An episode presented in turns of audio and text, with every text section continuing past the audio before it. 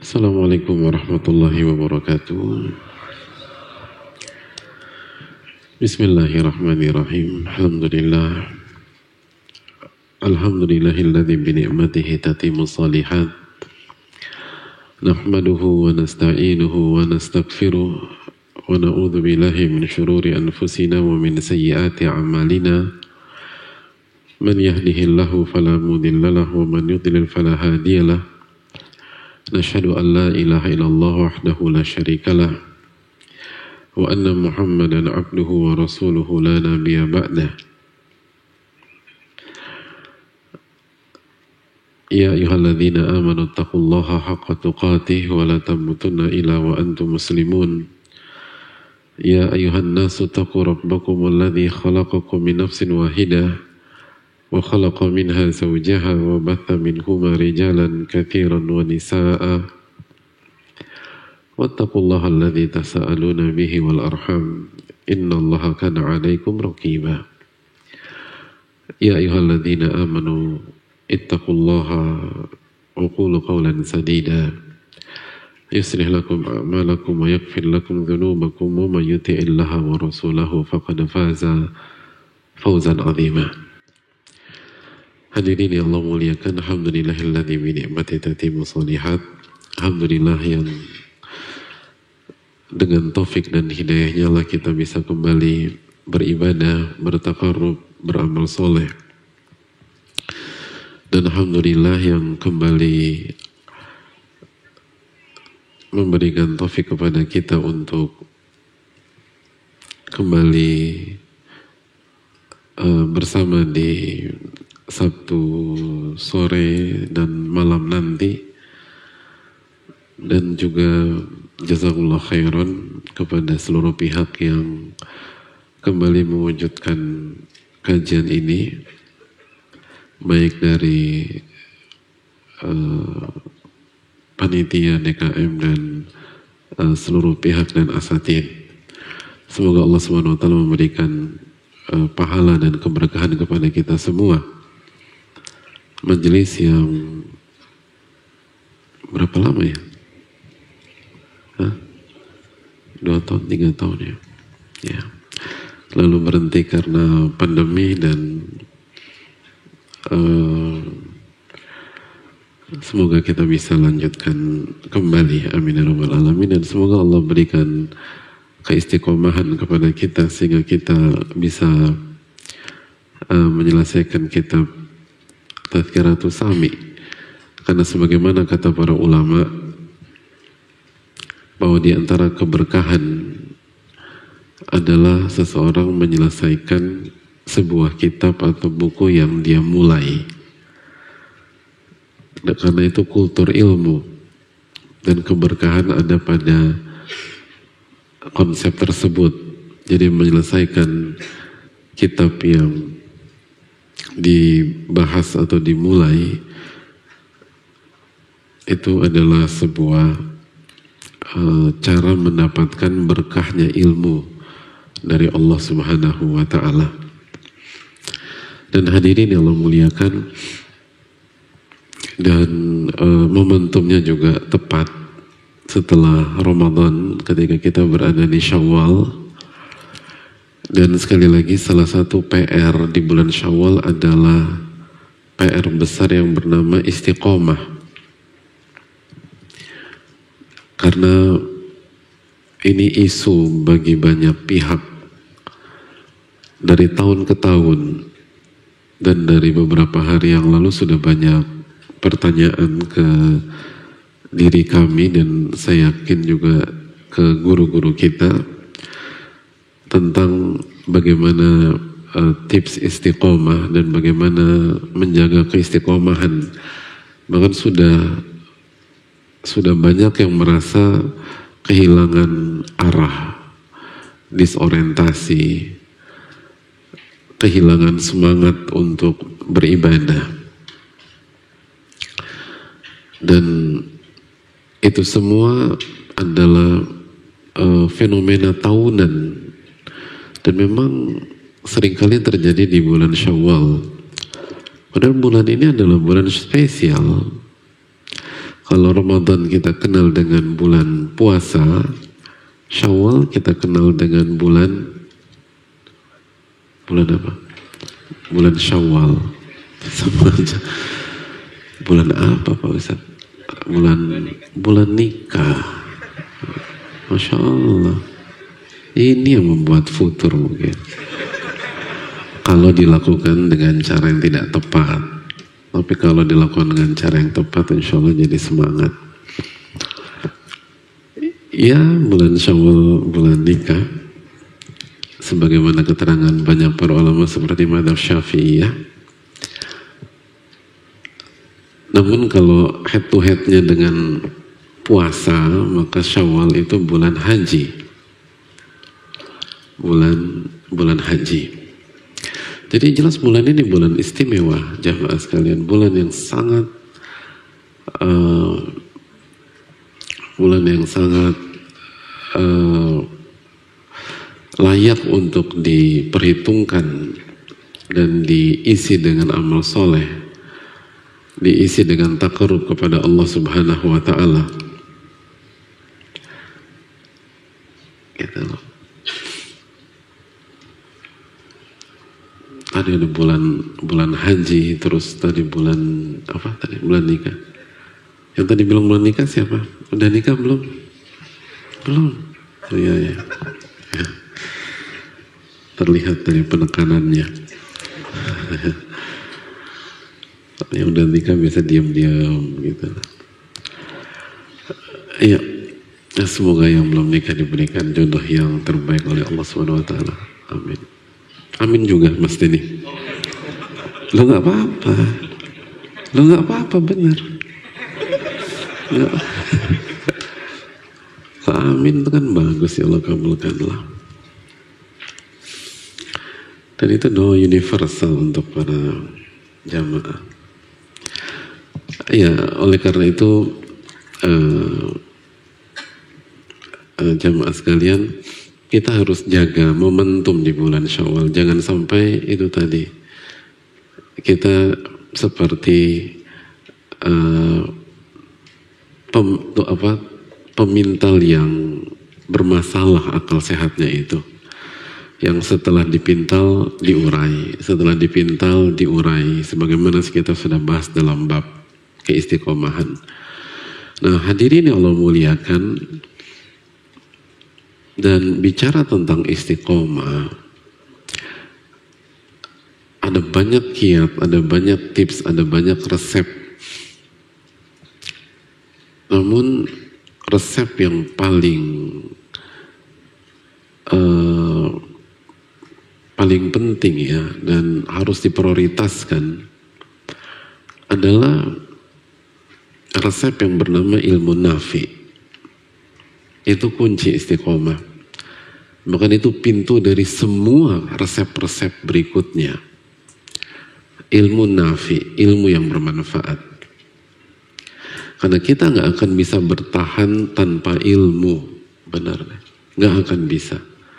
Allah yang berfirman ketika menghikayatkan diskusi antara dua nama besar di dalam sejarah peradaban manusia, yaitu Nabi Khadir dan Nabi Musa ketika Nabi Khadir mengatakan wa kaifa tasbiru ala ma lam tuhit bihi khubra dalam surat Al-Kahfi ayat 68 Al-Kahfi ayat 68 bagaimana Anda bisa sabar sedangkan Anda tidak tahu ilmu dari apa yang Anda akan hadapi Bagaimana Anda bisa sabar? Bagaimana Anda bisa bertahan? Bagaimana Anda bisa istiqomah, bagaimana Anda bisa eksis, bagaimana Anda bisa survive, sedangkan Anda tidak tahu ilmu dari apa yang Anda akan hadapi atau apa yang sedang Anda hadapi.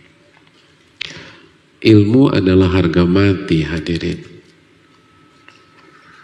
Kalau kita ingin istiqomah, kalau kita ingin belajar, Eh, kalau kita ingin bertahan, kalau kita ingin langgeng sampai husnul khotimah,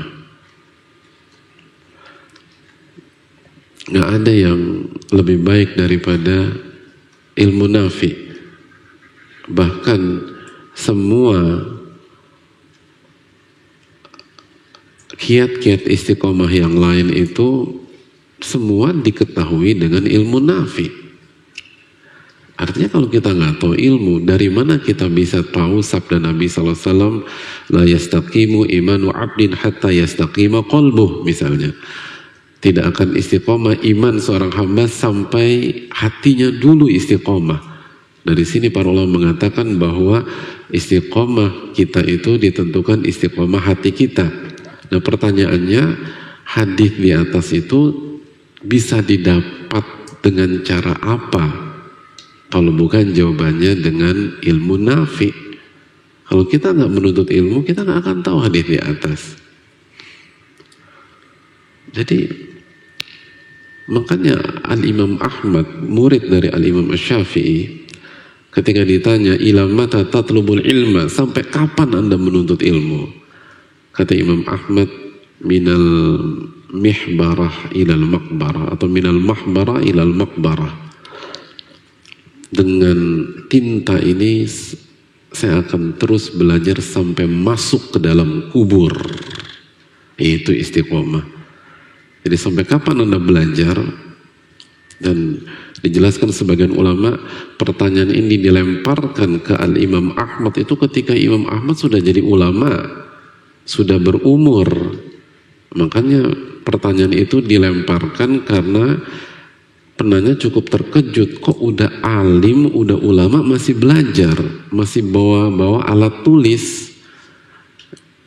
Harusnya kan tinggal panen, tinggal santai menikmati uh, apa menikmati hasil dari belajar puluhan tahun, udah terkenal, pengikutnya banyak, loyalisnya ribuan, bahkan mungkin jutaan kok masih belajar? Maka Imam Ahmad mengatakan saya akan terus belajar dan saya akan terus bersama alat tulis saya sampai saya masuk ke dalam kubur. Sampai saya masuk ke dalam kubur. Ini menunjukkan hadirin yang Allah muliakan bahwa para ulama tidak memisahkan antara istiqomah dengan menuntut ilmu atau ilmu nafi. Bahkan ini adalah resep yang sangat penting dalam keistiqomahan. Karena ilmu nafi itu sendiri adalah ilmu dan amal. Dan istiqomah adalah ilmu dan amal. Maka hadirin yang Allah muliakan, momentum syawal ini adalah momentum kita kembali ke majelis ilmu. Momentum kita menjadi penuntut ilmu kembali. Momentum kembali kita bersama Al-Quranul Karim dan Sunnah Nabi Sallallahu Alaihi Wasallam.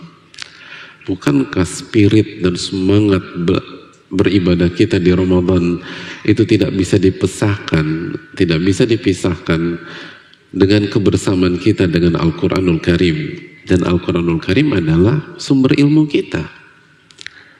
Dan jadi masalah ketika syawal lupa kita sama Al-Quran. Lupa dengan hadis Nabi SAW. Itu yang membuat goncang. Lalu sibuk dengan uh, urusan dunia A, urusan dunia B, urusan dunia C. Akhirnya momentum lepas. Keburu jatuh duluan dan kalau keburu jatuh, berat hadirin. Berat. Para ulama seperti Al-Imam Ibnul Qayyim rahimahullah ketika menjelaskan tentang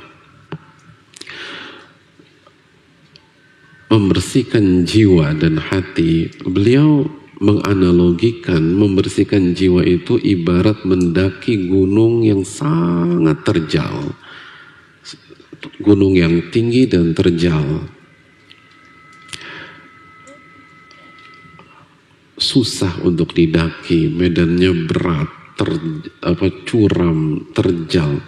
Lalu kata Al-Imam Ibn Qayyim rahimahullah dan di atasnya ada syaitan yang memprovokasi kita untuk berhenti, untuk mundur, untuk balik kanan. Atau paling tidak membuat kita lalai sehingga kita tergelincir lalu terjelebab lalu jatuh. Nah hadirin yang Allah muliakan, berangkat dari analogi di atas, dijelaskan oleh sebagian para ulama bahwa orang yang mendaki gunung lalu dia tergelincir, dia tergelincir, akhirnya ketika dia berada, dia sudah berada di ketinggian 700 meter misalnya dari permukaan uh, tanah gitu, 700 meter. Lalu dia tergelincir dan jatuh ke ketinggian 600 meter. Jadi turun jatuh lagi 100 meter maka apa yang harus apa opsi yang ada pada dirinya dia jatuh nih. Misalnya misalnya jangan kita lah si si fulan jatuh gitu dari 700 sampai 600. Ketika jatuh udah nih jatuh berhenti dari semua gerakan opsi yang ada di dia itu apa sih setelah jatuh? 100 meter lumayan loh itu apalagi kalau gunungnya terjal. Opsi dia kan dua ya secara umum dia balik kanan, dia turun lagi, udah aku nyerah deh, aku turun. Atau dia bangkit lalu kembali naik dan kembali uh, mendaki 600 meter, 610, 620, 630, 640 terus sampai 700 lalu berusaha naik lagi ke 700 uh, eh, berikut atau di atas 700 meter kan gitu ya Iya nggak sih opsinya? Hah? Ada opsi ketiga nggak? Buka warung gitu? Nggak akan. Nggak ada rencana buka warung di gunung seperti itu kan. Nah, kalau dia memilih opsi yang pertama, dia balik kanan, jelas bendera putih, dia gagal mendakinya. Kalau dia pilih opsi kedua, pertanyaan berikutnya, apakah apakah kondisinya ketika berusaha mendaki kembali dari ketinggian 600 itu sama dengan kondisi dia ketika berada di titik yang sama sebelumnya. Ketika dia jatuh kena, ketika dia jatuh dia bangkit lagi dan dia ingin menanjak lagi, berarti dia sudah pernah ngelewatin spot itu belum? Spot itu sudah didaki, sudah.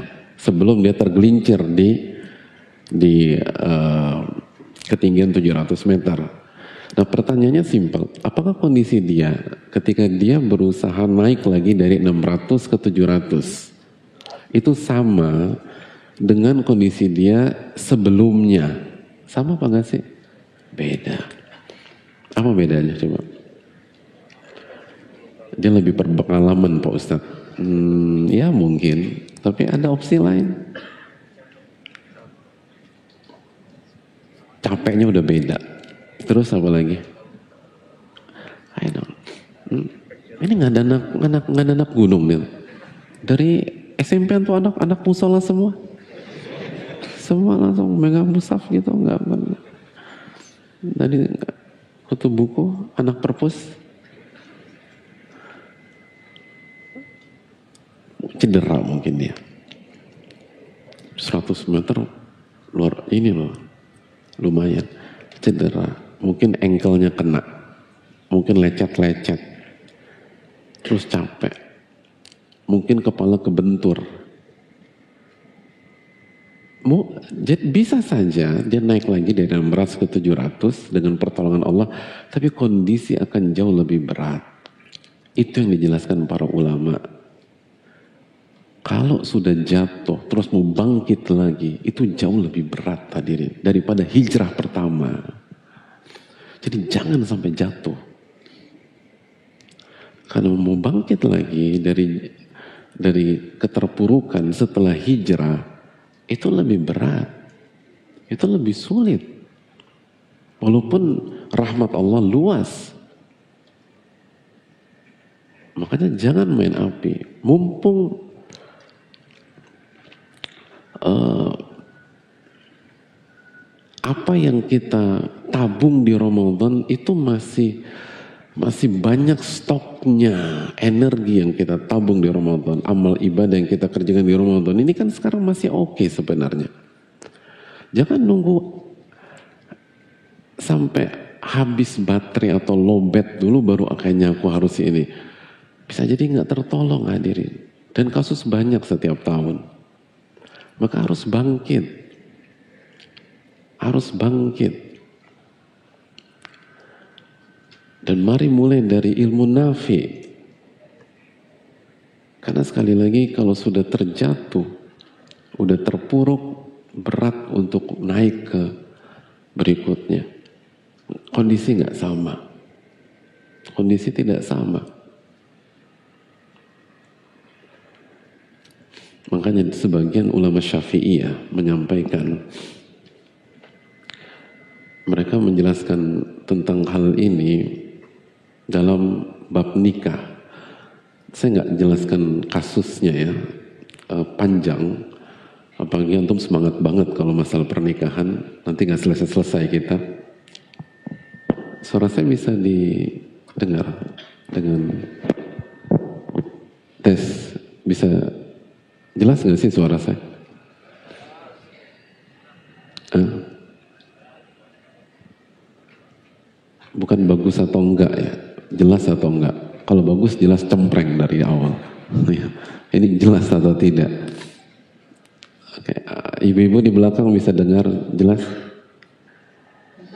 Oke, ya. Para ulama mengatakan di antara dijelaskan oleh sebagian syafi'iyah, ulama syafi'iyah. Dan saya dapat faedah ini di dalam kitabun nikah. Tapi saya nggak sebutkan pembahasan khususnya karena terlalu panjang. Mereka mengatakan bahwa setiap dosa itu hadirin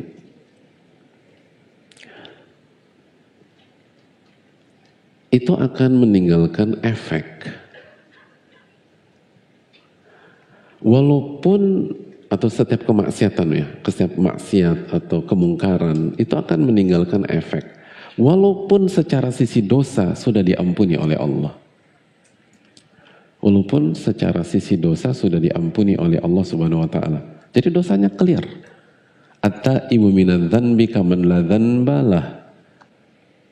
Orang yang bertobat dari dosa seperti nggak punya dosa lagi.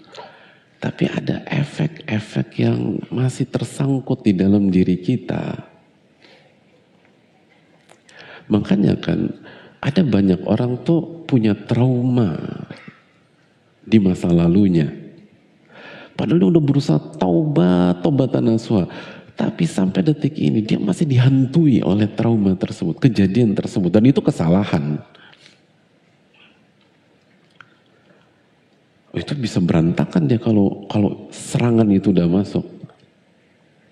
Dan banyak di antara kita mengalami itu hadirin.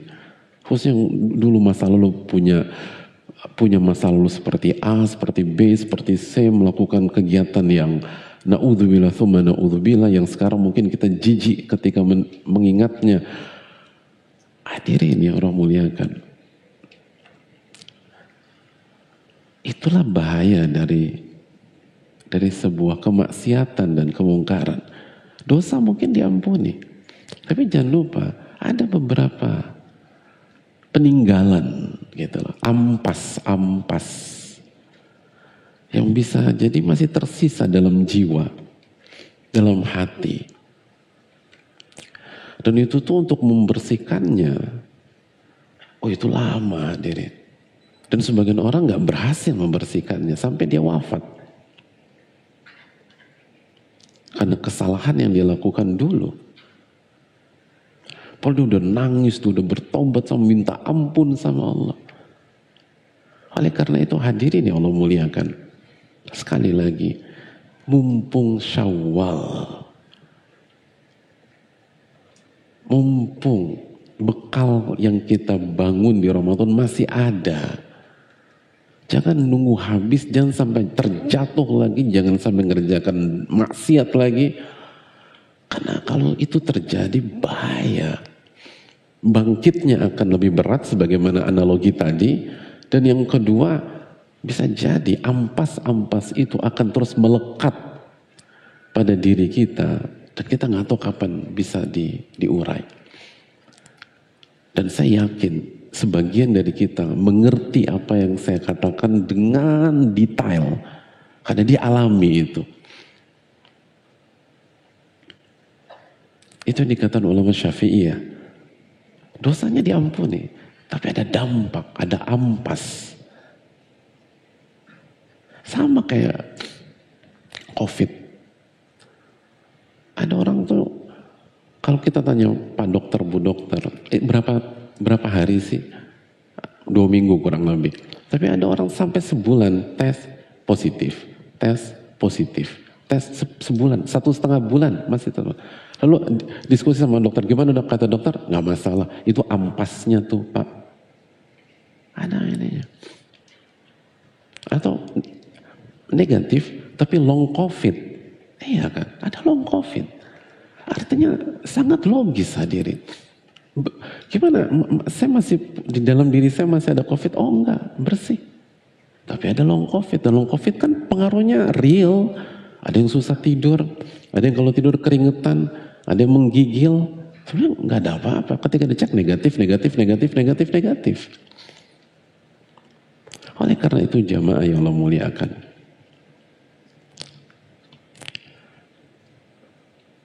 Jaga momentum, ini penting. Jaga momentum. Jangan dilepas, jangan jangan dilewatkan. Syawal ini tuh sering kali dari tahun ke tahun adalah jembatan. Jembatan menuju istiqomah atau jembatan menuju terjun bebas. Coba kita lihat deh. Banyak orang nggak istiqomah. Coba evaluasi, nggak istiqomahnya di bulan apa? Seringkali jembatannya itu di bulan ini. Begitu ini lepas, lepas sudah. Nggak semua memang. Tapi sekali lagi ini adalah momentum. Oleh karena itu hadirin yang Allah muliakan, jaga baik-baik dan mari kita mulai dengan ilmu. Nah, hadirin yang semoga Allah muliakan, ketika kita tahu bahwa kunci keistiqomahan adalah ilmu, wa kaifa tasbiru ala ma lam tuhit bihi khubra, bagaimana Anda bisa sabar sedangkan Anda tidak tahu ilmu dari masalah yang Anda hadapi. Al-Kahfi 68. Nah pertanyaannya ilmu seperti apa hadirin? Kenapa aku punya teman ilmunya udah banyak Pak Ustadz, tapi nggak istiqomah juga. Ya itu banyak. Bahkan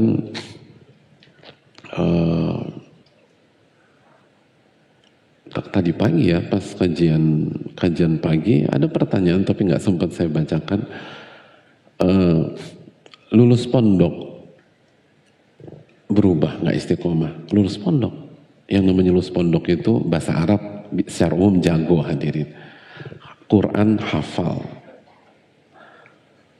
Hadith oke. Okay. fikih belajar akidah khatam misalnya.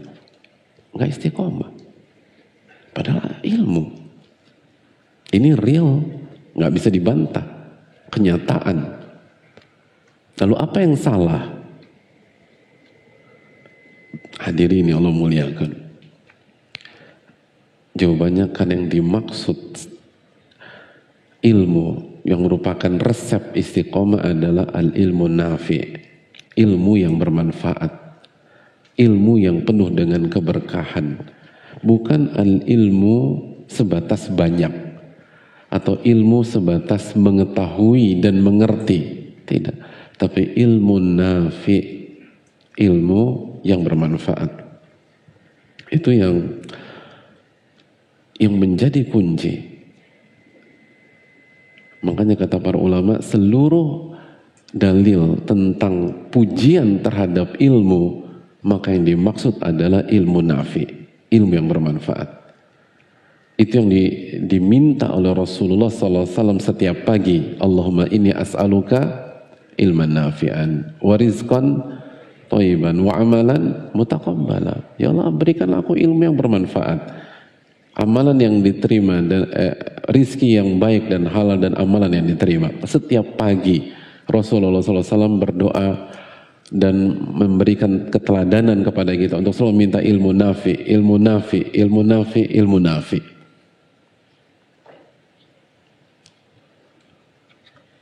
Ilmu nafi'ah bukan sebatas ilmu secara maklumat, tapi ilmu nafi.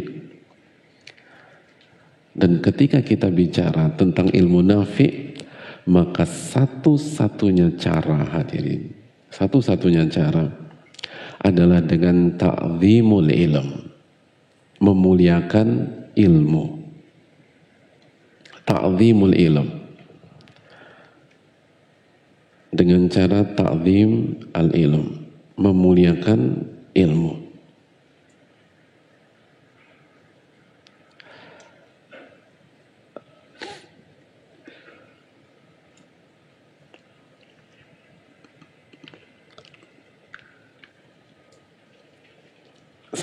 Satu-satunya cara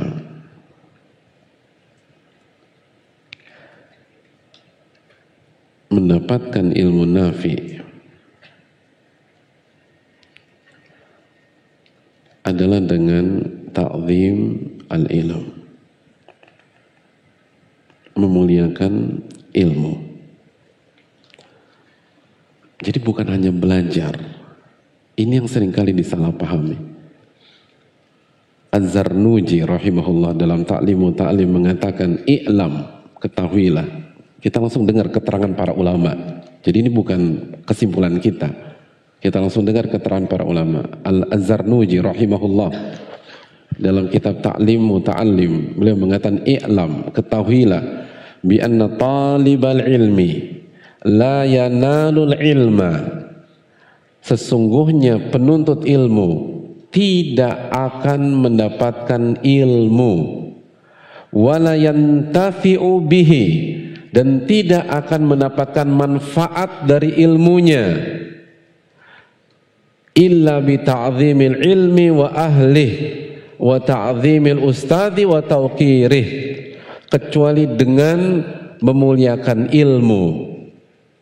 Memuliakan ahli ilmu memuliakan gurunya dan mengangkat gurunya tersebut atau memuliakan gurunya tersebut itu poin i'lam ketahuilah penuntut ilmu tidak akan mendapatkan ilmu. Enggak akan. Ini konklusinya para ulama, kesimpulan para ulama, kaidahnya para ulama. Enggak akan dapat ilmu. Walaupun jenius, walaupun cerdas, walaupun hafalannya kuat, oke okay, hafalannya kuat, walayantafi'u bihi, tapi dia tidak akan mendapatkan manfaat dari ilmunya. Ilmunya nggak bermanfaat, hafal tapi nggak bermanfaat, ngerti tapi nggak bermanfaat, ngerti tapi nggak merubah dia, ngerti tapi dia nggak ada kemajuan, ngerti tapi rumah tangganya dan keluarganya stagnan, ngerti tapi ribut terus sama orang tua atau anak atau kakak atau adik, nggak bermanfaat. Illa kecuali bita'zimul ilmi dengan memuliakan ilmu tersebut lalu memuliakan ulama atau ahli ilmu, lalu memuliakan dan menghormati gurunya tersebut. Wa ta'zimul ustadzi wa tauqiri, memuliakan gurunya. Ini yang sering kali kita lupakan karena kita menganalogikan dengan ilmu dunia yang cukup baca artikel atau cukup baca teori ngerti Anda punya ilmu. Oh enggak, ini beda. Ilmu agama beda. Setiap bidang itu punya karakter masing-masing.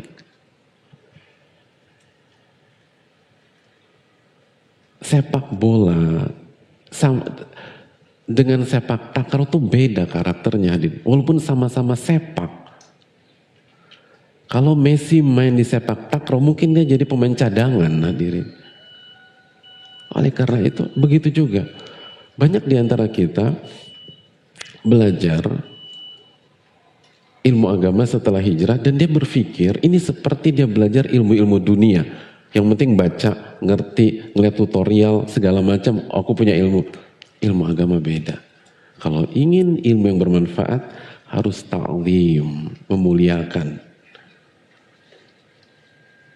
Ini yang harus kita bangun. Dan itulah alasan kenapa kita membahas tadkiratus sami.